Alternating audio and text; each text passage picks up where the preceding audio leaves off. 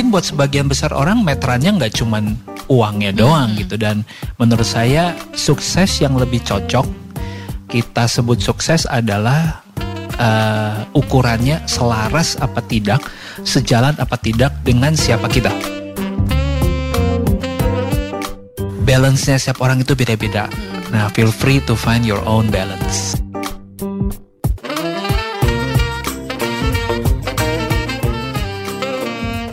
Setiap anak muda pasti sudah memiliki plan dalam hidupnya. Salah satu plan di dalamnya adalah memiliki rumah dan mobil. Tapi antara rumah dan mobil pasti menjadi dilema bagi setiap orang. Untuk membeli rumah dan mobil, kita harus menjadi sukses terlebih dahulu. Apa arti hidup sukses yang sebenarnya? Nah, kali ini Hosukma akan berbicara bersama Felixandro Ruby untuk membahas lebih lanjut tentang bagaimana arti sukses sebenarnya. Hai Dream Warriors, kali ini House Sukma akan menemani waktu kalian nih untuk berbagi informasi yang terbilang relevan banget dengan problem individu masa kini bersama narasumber kita yakni Felixandro Ruby. Hai Mas Ruby, apa kabar? Akhirnya ketemu Hai, lagi. Hai, apa kabar? Aku baik, lagi mm ya lumayan padat merayap. Semoga teman-teman Dream Warriors juga kondisinya baik ya. Mm -mm. Berarti sekarang lagi sibuk apa nih Mas Ruby? Kalau uh, aku kebetulan sekarang lagi sibuk ngembangin bisnisku yang baru. Mm -hmm. Kita lagi bikin apps yang akan launching segera namanya Mentor hmm. Gue. Oke, ditungguin aja berarti ya Mas Ruby. Sip. Mm -hmm. Nah, kalau misalnya kayak Mas Ruby bilang tadi kan lagi mencoba bisnis baru gitu ya. Mm -hmm. Pasti kan pengennya sukses gitu bisnisnya. Mm -hmm. Nah, Mas Ruby sendiri melihat arti sukses itu seperti apa sih? Oke, jadi menurut saya sukses itu sangat personal sekali. Uh, buat beberapa orang mungkin sukses itu adalah bisa cross off uh, bucket list mereka jalan-jalan hmm. ke 200 negara mungkin. Hmm. Uh, buat sebagian orang ada lagi yang kesuksesan buat mereka adalah punya hidup yang uh, bermakna, hmm. berdampak dengan sesimpel misalnya dia stay di tempat dia lahir di kota dia atau di desanya dia ngajar di pedalaman mungkin hmm. ya. Ada juga orang yang suksesnya mungkin adalah uh, bisa uh, membesarkan anaknya tumbuh menjadi orang-orang yang impactful. Hmm. Nah jadi memang sukses itu nggak bisa kita kotakkan dalam satu satu kotak aja. Exactly, gitu ya. karena sukses itu ya again personal banget.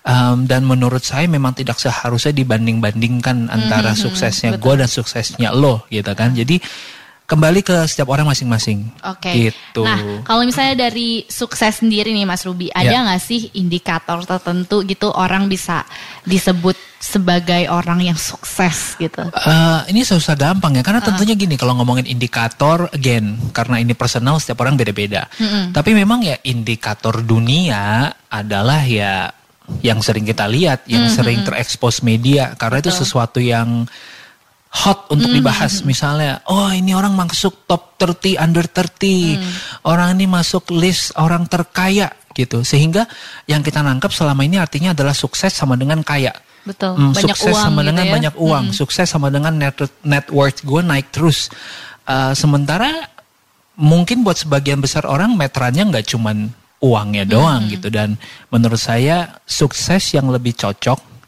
kita sebut sukses adalah uh, ukurannya selaras apa tidak, sejalan apa tidak dengan siapa kita. Uh, maksudnya gimana tuh, Mas Ruby dengan siapa kita? Ya. Oke, okay. jadi gini, jadi gini. Um, coba kita uh, ukur kembali, ngelihat hmm. ke dalam sebelum ngelihat keluar. Okay. Um, jawablah pertanyaan-pertanyaan sebagai berikut. Apa sih yang bikin lo happy? Hmm, apa hmm. sih yang bikin lo seneng? Uh, dan ini bukan soal ini ya, sebentar. Saya ulang lagi ya, jadi hmm. ya Um, jadi baiknya sih menurut saya hmm. adalah sebelum kita sibuk melihat keluar ngebandingin kita dengan orang lain dengan ukuran-ukuran dunia, pakai ukuran kita sendiri dulu. Hmm, okay. Apa yang bikin kita happy, apa yang kita suka kerjakan, dan siapa sih kita sebenarnya? Hmm. Apakah kita tipe orang yang memang senengnya karena gua punya fan base yang gede. Iya betul. ya kan ada orang yang seperti itu Iya, ya. iya. Menarik happiness itu dari energi orang-orang yang quote unquote memuja dia. Ada orang yang happinessnya yang kayak tadi gitu. Ehm, gua nggak usah dikenal orang Tapi tapi, punya ini gitu punya ya. ini gitu. Eh, gua nggak usah dikenal orang tapi anak-anak gua dikenal orang gitu. Jadi emang beda-beda. Nah, itu ngeliat ke dalam dulu. Berarti indikatornya itu banyak ya Mas? Ruby, ya? Indikatornya itu banyak, tapi ujung-ujungnya adalah selaras nggak diri- dengan diri kita sendiri, dengan siapanya kita. Kalau kita bukan tipe orang yang emang mencari tadi, mencari fame atau mencari uh, apa namanya, ibaratnya mencari panggung dari orang-orang yang memuja kita quote unquote ya nggak usah ngerjain itu Iya, gitu betul. loh. At the same time juga ada orang yang sekarang em, happiness buat dia adalah dia bisa kerja dari mana pun sambil dia jalan-jalan dan melihat dunia Iya. Gitu. Itu udah berarti mungkin buat dia itu udah kesuksesan buat, Buat diri dia udah sendiri. kesuksesan, betul. Sementara ada orang yang masih nunggu, gue mesti punya duit segini dulu baru gue sukses. Iya. Lah dia detik ini juga udah sukses selama dia bisa menikmati apa yang dia kerjakan sambil dia jalan-jalan gitu. Oke. Nah, tapi saya mau ngajak teman-teman untuk punya sedikit bahan pertimbangan. Mm-hmm. Jadi uh, beberapa hari yang lalu saya baru ngebahas um, perbedaan antara enjoyable dan meaningful. Uh, aku kasih ilustrasi seperti ini teman-teman ya. Bayangkan kalau teman-teman sekarang harus merating beberapa hal berikut dari 0 sampai 10. 0 itu adalah nggak enjoyable sama sekali dan 10 itu sangat enjoyable gitu. Gue kasih ya beberapa pilihannya ya yang tinggal di rating. Yang pertama eh, makan coklat favorit lo. Silahkan di rating dari 0 sampai 10. Ngerjain hobi yang lu suka. Berperang buat Indonesia. Bantu nyeberangin oma-oma. Mendidik dan membesarkan anak. Terakhir spa treatment dari ujung kepala sampai ujung kaki. Nah, udah ya, di rating ya. Tingkat enjoyable-nya dari 0 sangat tidak enjoy sampai sangat enjoy. Nah, sekarang dengan hal yang sama, makan coklat, ngerjain hobi, berperang buat Indonesia, bantu nyebrangin oma-oma, mendidik dan membesarkan anak, spa treatment dari ujung kepala sampai ujung kaki, tapi ratingnya kita rubah. Sama-sama 0 sampai 10, tapi ukurannya adalah seberapa meaningful kegiatan itu buat lo. 0 nggak meaningful sama sekali, 10 meaningful banget. Kemungkinan besar yang akan terjadi adalah ratingnya berubah. Coklat jadi nggak semeaningful meaningful gimana banget, tapi bisa jadi enjoyable banget. Sebaliknya, mendidik dan membesarkan anak bisa jadi nggak se-enjoy itu awalnya, tapi dalam skala meaningful jadi meaningful banget. Nah, kembali ke topik kesuksesan dan cara ngukurnya tadi. Apakah buat lo kesuksesan adalah bisa ngerjain hal-hal yang lo enjoy banget atau justru bisa ngerjain hal-hal yang meaningful banget buat lo atau di tengah-tengahnya. Nah, makanya skalanya buat tiap orang akan beda-beda gitu. Nah, jadi dengan menggunakan uh, ukuran enjoyable atau meaningful ini akan ngebantu lo untuk mengukur oh kesuksesan itu mungkin buat gua bukan cuma sekedar duit doang ya ngelakuin hal yang gua suka. Eh, oh eh, tapi at the same time kesuksesan juga bukan berarti mentok harus ngerjain apa yang berdampak tapi gue nggak enjoy sama sekali. Gitu. Nah jadi Iya, betul. Balance-nya setiap orang itu beda-beda nah feel free to find your own balance Iya, gitu. baru aku baru kepikiran juga sih tadi pas Iya. dengerin uh, Mas Ruby Mm-mm. kayak oh iya ya sukses orang tuh beda-beda ya. Kadang kita ngelihat sukses tuh cuma yang bisa dinikmati aja, tapi ternyata kalau ngelakuin se- sesuatu yang meaningful kalau misalnya aku recall lagi, Mm. itu juga kayak rasanya happy banget gitu. Yes. Iya, kayak udah achieve sesuatu Yes. gitu ya. walaupun waktu ngerjainnya aduh capek Iya, iya, betul, aduh betul. gila gue harus begadang aduh gila ini nggak enjoy banget gitu Iya, jadi benar-benar ada perbedaan gitu ya Yes. untuk mencapai sukses itu. Oke, Yes. nah kalau Karubi sendiri nih sharing tentang pengalaman Karubi untuk mencapai kesuksesan dari menurut Karubi sendiri kayak gimana nih ceritanya? Mungkin boleh di sharing sedikit. Nah, em, jadi gini kalau versinya saya sukses itu satu em, tidak ada urusannya sama cepet-cepetan. Itu nomor satu. Karena saya udah lumayan capek ngelihat orang, ngelihat media tuh sibuknya ngangkat 30 under 30, 40 Iya. under 40. Seolah-olah orang yang membuat sesuatu yang bermakna, sesuatu yang dia suka di umur 50 tuh kayak nggak ada nilainya. Mhm. Well, ada oma-oma umur 50-an bisa selesai maraton loh. Iya betul. Kita yang umur 30-an ada yang udah pernah selesai maraton belum? Bahkan lari aja mungkin Bahkan nggak- lari aja nggak pernah belum ya. gitu ya. 5 kilo aja ngos-ngosan. Apakah berarti dia tidak ngelakuin sesuatu yang quote unquote successful gitu menurut saya. Jadi pertama teman-teman buat saya saya udah menghapus meteran waktu. Cepet-cepetan sama orang itu nggak ada gunanya. Gitu yang pertama. Kalau sukses buat saya. Sehingga sukses buat saya sekarang adalah hidup yang berdampak at the same time independen atau kuat secara finansial Hmm. gitu. Em, nah jadinya eh, bagaimana cara saya untuk bisa menyampaikan ini, untuk bisa mencapai ini? Ngeliat ke dalam dong. Iya. Kalau kayak saya tadi kan, akhirnya saya bereksperimen lah dengan begitu banyak hal di dalam bisnis, di dalam kehidupan personal saya, dan terakhir di dalam investment saya. Karena tiga hal itu akan bisa mendukung hidup berdampak dan kuat secara finansial. Oke, berarti itu definisi maksudnya sukses untuk Karubi itu emang ada indikator dari dalam dirinya Yes, gitu ya. betul. Mhm. Nah, sekarang misalnya hidup berdampak nih. Tipe-tipe bisnis yang saya bikin juga akhirnya jadinya nggak jauh-jauh dari situ. Hmm. Yang pertama, aku ada bisnis uh, digital agency. Oke. Uh, fokus kita adalah ngebantuin UKM-UKM, terutama bisnis F&B untuk bisa menyampaikan pesan mereka kepada audiensnya. Hmm. Terus aku Maksudnya bisa pesan tuh kayak gimana? pesan Mas tuh kayak misalnya mereka punya produk baru, mereka sebu- mereka punya promosi yang baru, uh, mereka bisa ningkatin salesnya mereka. Nah itu kan dampak-dampak yang aku bisa langsung ngerasain Iya, karena ngobrol langsung sama ownernya, gitu. Kemudian aku juga bikin bisnis satu lagi HR consulting, di mana kita ngelakuin training and development buat korporasi. Itu juga dampaknya bisa kita rasain banget. Dari mana? Dari HR director akhirnya message ke kita, thank you banget ya Mas Rup karena eh, apa namanya karena pelatihan yang kemarin tim kita mulai ngerasain eh, performance mereka makin ngebaik, eh, timnya makin ngejel, makin ngobrol satu sama lain, teamworknya kebentuk. Nah, itu kan dampak jadinya yang kita Iya. fokus. Kemudian yang terakhir juga apps yang aku bikin eh, mentor gue. Fokusnya itu kan lebih ke mengedukasi orang gimana caranya supaya bisa belajar dalam waktu yang sesingkat-singkatnya dalam bentuk teks dan audio. Nah, akhirnya turun bisnis yang saya bikin nggak cuman hanya memberikan saya eh, support secara finansial, tapi juga membawa dampak kepada orang lain. Kalau saya nggak mikirin dampak as my performance measurement buat Iya. sukses, mungkin saya akan ya udah yang penting cuan aja Iya betul. gitu. Banyak Right? kayak orang yang kayak gitu. Dan nggak penting- salah. Heeh. Nggak salah, yang penting cocok selaras sama iya dia. iya. Karena Gitu. waktu sebelumnya podcast sebelumnya juga Mas Ruby ngomong ini sebenarnya nggak ada yang salah ya kalau misalnya orang Yes. mau mengutamakan finansialnya seperti yes, itu ya. Yes, Mhm. yes. Kita nggak pernah tahu backgroundnya orang gimana ya. Iya. Ada orang yang mungkin dari kecil dia udah ngalamin kesusahan banget, ngalamin rasanya miskin yang benar-benar nggak untuk bertahan hidup tuh emang dari sehari Hmm. ke hari. Mungkin dia nggak ngerasa kayak nggak bisa nih. Iya. Cuan is my number one goal dulu. Iya ada ya orang maksudnya yang kayak gitu. Jadi kita nggak tahu gimana ba- background orang gitu Backgroundnya ya. orang Mhm. kenapa dia bisa sampai ke konklusi Iya. itu gitu. Nah, aku lanjutin ya. Iya. Jadinya em, ke sisi personal pun begitu. Apa yang aku lakukan lewat sosial media, lewat aku berpodcast juga hari ini Hmm. sama eh, kejar mimpi juga bagian dari aku untuk punya hidup yang berdampak gitu. Dan terakhir dari sisi investment juga akhirnya eh, jadi full circle nih. Investasi aku pilih juga akhirnya selain untuk membuat diriku financially strong, eh, selain membuat diriku financially strong, aku juga ada porsi investment yang aku masukkan kepada bisnis-bisnis yang aku suka, yang aku percaya. Oke. Gitu. Oke, itu adalah cara untuk mencapai kesuksesan seperti yang Mas Ruby bilang. Pokoknya ada Yes. banyak banget ya indikatornya. Jadi Ya.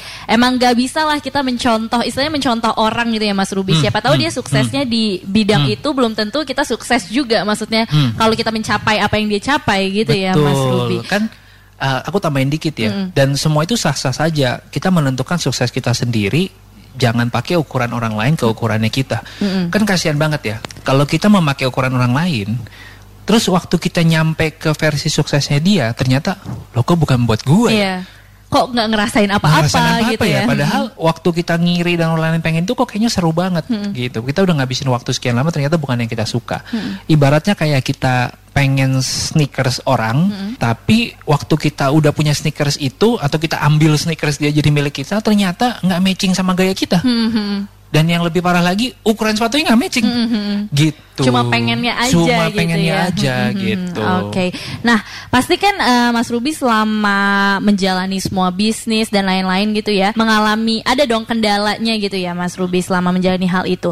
Nah, eh, coba dong boleh eh, Mas Ruby dikasih nih tips and triknya versi Mas Ruby dalam bertahan dan tetap fokus untuk mencapai goals nih walaupun banyak hambatannya. Em, mungkin ini kan kelihatan kayak saran dari om-om yang sudah tua gitu ya. Tapi ini tried and tested dari belasan tahun aku eh, berkarir berbisnis. Eh, aku mulai mulai paham bahwa losing the battle nggak sama dengan losing the war. Hmm. Artinya, nih kalau buat teman-teman yang lebih suka dengan bahasa Indonesia, kalah dalam sebuah eh, battle bukan berarti kalah dalam perangnya. Perang itu terdiri dari beberapa banyak battle-battle kecil, gitu. Betul. Buat yang main game mungkin paham ya. Iya. Main game perang-perangan. Main gitu game ya, Mas perang-perangan ya. Tenang aja kalah sekali belum belum bukan berarti skor akhir lu akan Iya, kalah segitu gitu. gitu. segitu. Mm. Nah, itu yang pertama, losing the battle. Ya, itu yang pertama. Losing the battle does not mean losing the war. Yang kedua, ada alasan kenapa masalah atau hambatan itu dihadirkan. Ingat ya, Hmm. saya pakai kata dihadirkan.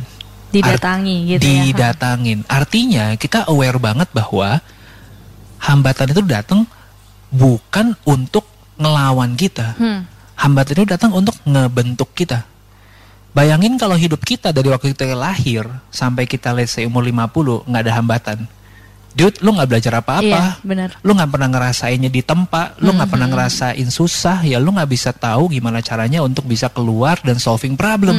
Karena lu nggak pernah ketemu problem. Iya, betul. Right? Jadi ketika kita punya perspektif masalah itu dihadirkan untuk membentuk kita, setiap kali hambatan itu datang, kita akan bilang bukannya setiap kali hambatan itu datang, kita jadinya bukannya bilang, aduh mampus deh capek deh kena masalah. Iya, Aduh, No. ada masalah lagi nih kayak Exactly. gitu ya. Kita malah Hmm. jadinya, hey masalah, Uh-uh. gue tahu lu datang buat ngebentuk gue, I'm ready. Ayo, gue mau naik kelas juga. Mm-hmm. Gitu. Nah, jadi perspektif itu akan ngerubah banget. Saya jadi ingat satu cerita eh, waktu itu aku sempat main ke Bojonegoro, Mm. kita ketemu sama aku lupa bupatinya tuh siapanya gitu. Terus dia bilang Bojonegoro itu adalah satu area yang memang secara geografis itu di bawah eh, laut. Mm. Jadi memang sangat rentan sekali sama banjir. Hmm. Sehingga sudah dilakukan berbagai macam cara pun uh, mau nggak mau pasti akan ada hari-hari yang mereka Kebanjiran. kebanjiran gitu. ya. gitu. Mm-mm. Sehingga em, akhirnya salah satu cara yang dilakukan mereka pemerintah setempat untuk bikin orang supaya tetap bisa quote unquote menikmati banjir adalah setiap kali musimnya banjir instead of mereka berkeluh kesah mereka bikin spanduk selamat datang banjir Oh my god, itu beneran Mas Nah, itu Ruby. beneran gitu loh. Nah, kan jadi beda kan? Kalau kita udah siap, selamat datang banjir. Oke, that means I am ready. Uh, uh. Satu, Berarti dua, kita harus menyiapkan sesuatunya semua segala sesuatunya gitu ya. exactly. Mm, mm, mm. Gue udah gak kaget lagi kalau Ah. lu datang. Yang kedua, kalau lu datang pun nggak akan ngaruh. Lo Iya, gue udah iya. siap Benar. dan gue udah tahu ya lu cuma datang sebentar, habis itu nanti lu akan jalan lagi. Mm-mm. It's part of the journey. Gitu. Nah, sama juga ketika kita bisa bilang, halo, selamat datang masalah. Mm-mm. I'm ready to naik kelas. Nah, itu beda banget. Gitu. Pasti cara kita mengatasi masalah itu juga beda ya Mas Ruby. Yes. Sama orang yang mungkin kedapatan eh, masalah terus yang aduh males banget deh kayak gitu ya sama Yes. orang yang aduh masalah lagi nih ayo gue ready untuk Yes. semuanya kayak gitu ya. Betul. Hmm, Tentunya hmm, nggak nggak mudah. Pasti orang akan bilang kayak ya gampang ngomong mah gampang mas. Mm-mm. Paham paham. Ngomong tuh emang lebih gampang. Tapi percayalah nggak ada gunanya juga kita berkeluh kesah Iya. gitu.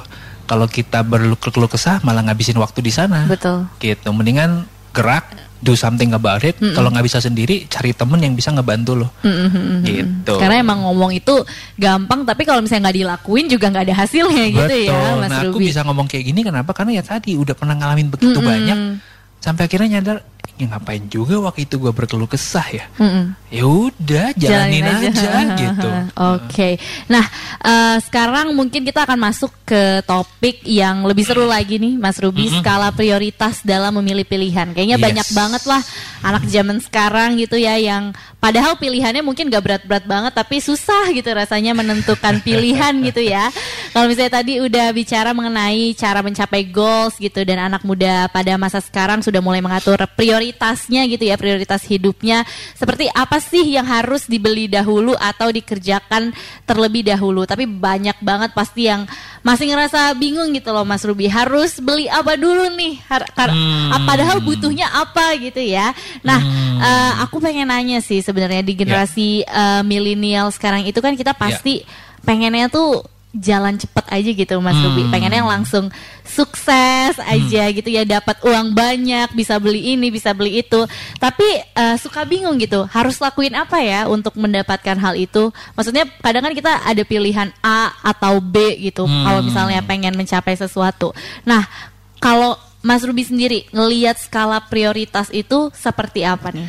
Oke, em, jadi gini teman-teman, eh, saya selalu percaya sama kalimat, saya lupa siapa yang ngomong, em, kurang lebih seperti ini. Selalu mulai dengan tujuan kita dulu, Hmm. gitu. Jadi bahasa Inggrisnya adalah begin with the end in mind, Hmm. gitu. Jangan kita melakukan sesuatu tanpa punya tujuan yang jelas sehingga kita jadinya nggak jelas juntrungannya, gitu. Kalau kita kita tahu tujuan kita apa, maka prioritas itu akan lebih mudah dibentuk. Misal kayak gini, eh, anggap kita tarik ke cerita sukses tadi. Sukses versi gua adalah hidup berdampak sekaligus kuat secara finansial, Hmm. gitu. Nah, kalau kayak gitu, udah clear kan tujuannya. Iya. Apa pun kegiatan yang menurut gua tidak mensupport tujuan gua untuk punya hidup yang berdampak, tinggalin Iya.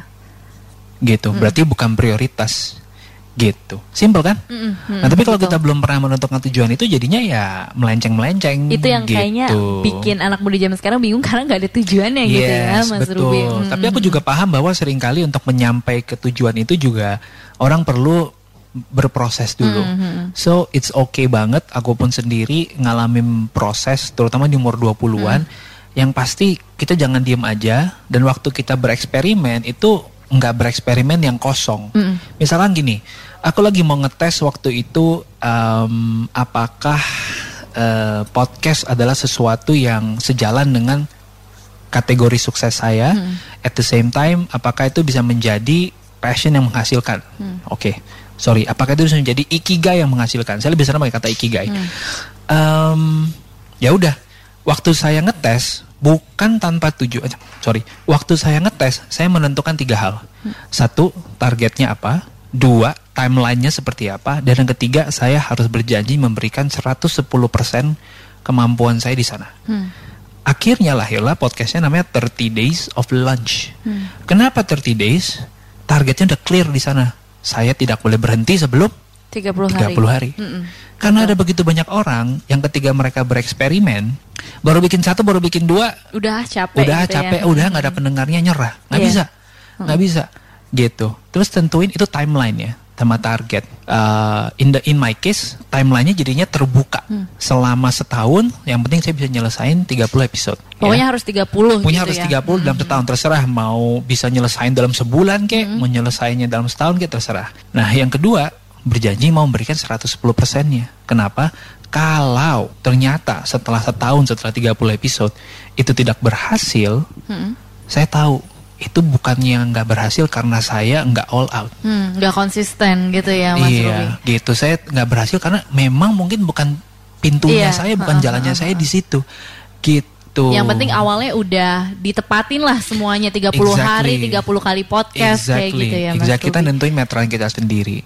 Gitu. Nah, jadi uh, skala prioritas jadi lebih gampang kan nentuinnya kalau kita punya tujuannya. Hmm. Sehingga podcast pada waktu itu menjadi salah satu prioritas saya. Oke, Gitu. jadi memang harus jelas lah kalau misalnya Yes. pengen nentuin skala prioritas harus ada tujuannya dulu Yes. gitu ya Mas Ruby. Yes. Nah, ini adalah salah satu pertanyaan yang menurut aku tuh menarik banget karena Ya. biasanya ya anak-anak muda yang baru aja kerja gitu Iya. Mas Rui baru Punya dapat penghasilan. gaji, punya Wah. penghasilan gede dikit gitu lah ya. Kadang suka bingung nih, eh, haruskah nabung untuk beli rumah dulu atau uangnya udahlah pakai aja buat cicilan mobil. Menurut Mas Ruby nih, mas- eh, pendapat Mas Ruby sendiri, Oke, oke. lebih baik beli rumah dulu atau mobil dulu nih kak? Oke, nah jadi gini ya teman-teman, Em, saya coba tarik menggunakan pemikiran yang mirip dengan yang tadi. Kita cek tujuannya dulu. Tapi kalau tadi tujuan dalam gambar besar kehidupan, sekarang tujuan keuangan, gitu. Em, apa sih akhirnya yang lebih penting buat teman-teman kenali diri kita dulu. Misalnya gini, emang punya rumah tuh buat apa? Iya, Pahami kalau rumah nggak ditinggalin, itu bisa jadi cost loh. betul. Kalau teman-teman sekarang beli apartemen, lalu apartemennya serah terima, lalu kalian nggak tinggalin, itu setiap bulan tetap bayar IPL, bayar iuran, setiap bulan itu tetap bayar listrik dan air minimum, dan kadang-kadang setelah sekian lama, misalnya lagi musim hujan, ketemu retak, ketemu bocor, harus renovasi dan perbaiki. Itu jadi cost juga. Emang teman-teman di umur 20-an udah yakin akan tinggal tetap di kota kalian? Atau kalian masih akan explore untuk kerja di luar negeri? Nah, jadi kembali ngecek ke diri kita sendiri dulu gitu. Uh, dan ini akan terkait nih tujuan hidup kita akan sedikit terkait dengan tujuan keuangan. Sebaliknya kalau soal mobil emang nanti teman-teman karirnya bakal ngapain? Apakah kalian kerja kantoran? Kalau kalian kerja kantoran kemungkinan besar yang akan terjadi nih yang gue bayangkan adalah pagi nyampe kantor duduk kerja seharian sampai jam 6 terus baru pulang lagi kan? Iya, berarti mobil lo akan ngapain diam di ya basement. bengong aja di basement selama 8, 9, 10 jam gitu loh. Perlu banget gak sih punya mobil jadinya? Apa nggak lebih baik kalian menggunakan moda transportasi lain? Perjalanan perjalanan kalian dari tempat tinggal ke kantor dan dari kantor ke tempat tinggal sejam sejam setengah bisa dipakai buat apa pun Ah. itu ngedengerin podcast ini belajar istirahat atau bahkan colongan tidur kalau bisa. misalkan naik taksi Betul. online. Nah jadi kembali ke diri kita sendiri dulu. Gitu. Nah tapi aku kasih sedikit gambar besar ya. Iya. kalau versinya saya sih menurut saya mobil kesekian. Kenapa? Pertimbangannya gini. Mobil itu aset yang sudah pasti nilainya turun. Hari ini mobil keluar dari dealer sampai rumah kita mau Itu jual lagi ya? besok harganya udah turun. Karena dijual second. Right? Beda sama rumah. Hmm. Rumah Semakin naik ya harganya. biasanya turun. kadang-kadang mungkin bisa ada sedikit Iya. penurunan tapi yang udah pasti adalah rumah itu kemungkinannya masih bisa naik Hmm. kalau mobil udah nggak mungkin naik Udah pasti turun gitu Iya, ya. jarang sekali kecuali kita ngomongin mobil klasik gitu mungkin ya Iya. yang emang disukai orang banget Yang vintage emang cars disukai sama yang hobi yang gitu emang ya. collectibles gitu nah jadi menurutku secara tujuan keuangan ujung-ujungnya kita semua pasti pengen punya tempat tinggal yang permanen. Hmm. hampir semua dari kita butuh rumah gitu.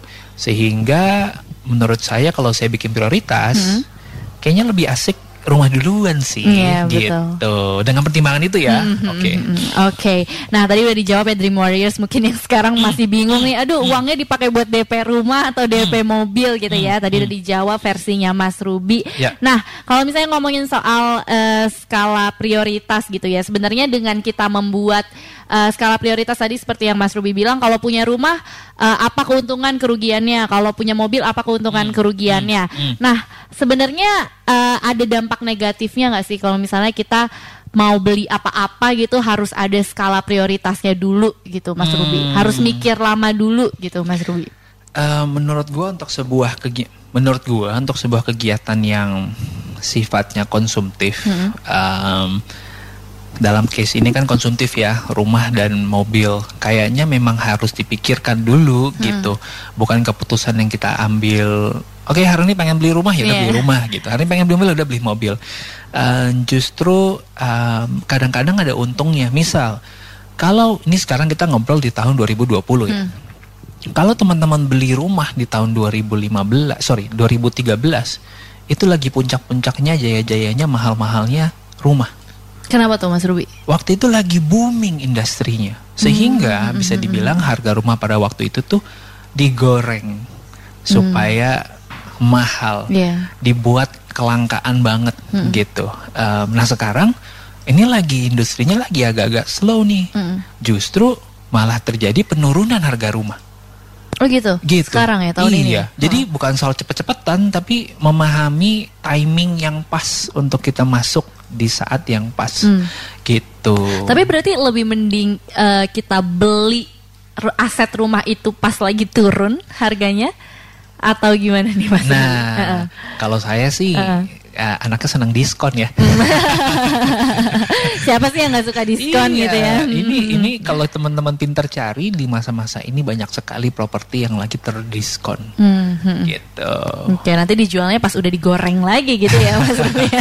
well sebenarnya kita nggak perlu ngegoreng pun kalau kita masuk di saat sekarang menurut saya kan infrastruktur Jakarta lagi membaik banget. Iya. Kita ngelihat Jakarta sekarang lagi ngebikin 6 ruas tol baru. Hmm. Jakarta sekarang lagi bikin jalur MRT yang sebentar lagi akan sampai ke suburb, bahkan sampai ke Kelapa Gading pun Iya. nanti ada. Jadi menurut saya eh, peningkatan secara infrastruktur dan fasilitas transport tadi biasanya akan impact positif ke nilai dari properti. Hmm. Gitu. Nah, mumpung sekarang belum jadi dan seasonnya memang lagi timingnya Hmm. lagi lagi stagnan atau lagi turun, menurut saya it's good timing untuk untuk kita mulai pikirkan invest ke Iya, sana. untuk invest ke properti gitu ya Mas Yes, betul, Ruby. betul. Oke.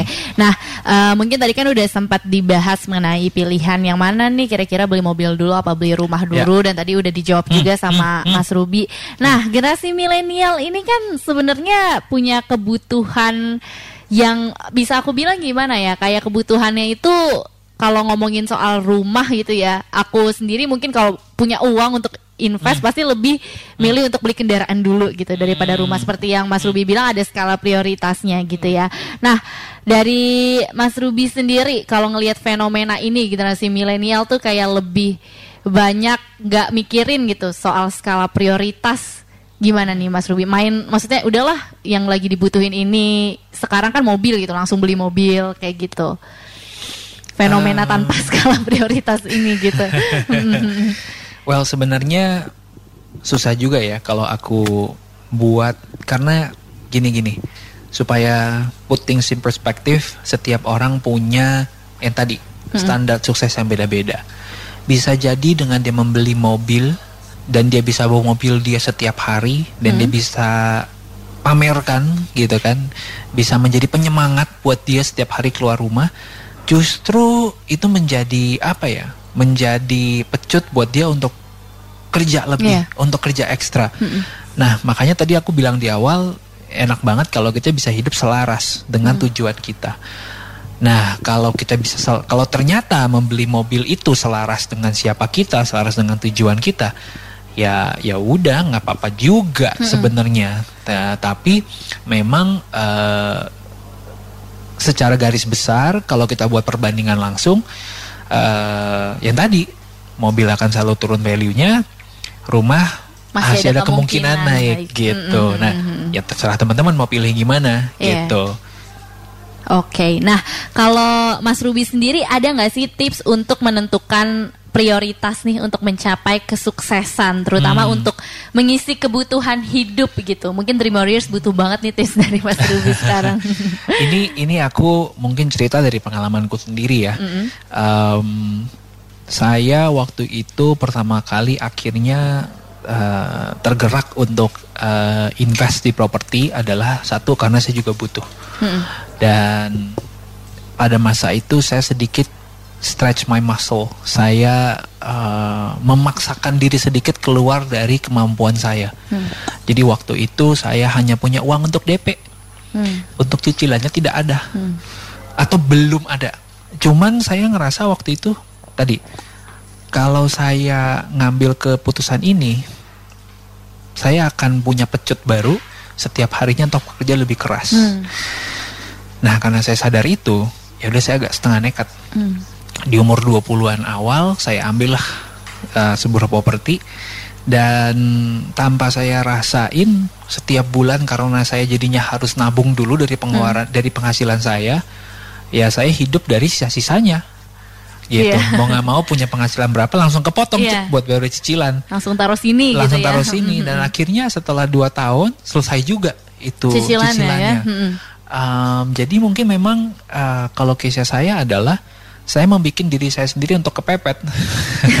Sehingga dengan modal nekat gitu dengan ya modal Mas nekat mau nggak mau sehingga akhirnya saya dipaksa atau memak sehingga akhirnya saya memaksa diri saya untuk menabung mm. langsung kepotong untuk cicilan. Dan bekerja lebih keras juga ya, ya bekerja lebih keras. Nah kenapa saya kayak gitu? Karena saya aware banget uh, pada masa itu kalau saya tidak gunakan dengan cara seperti itu uang itu akan lari ke mana pun, yeah. akan bisa jadi ke jalan-jalan, uh -huh. akan bisa jadi ke hal-hal lain yang mungkin nggak memberikan impact ya, maksudnya iya. nggak memberikan dan gak ada value-nya gitu value ya Mas hmm. Kalau tadi saya kan ukurannya dua, memberikan dampak dan membuat saya lebih kuat secara keuangan. Hmm.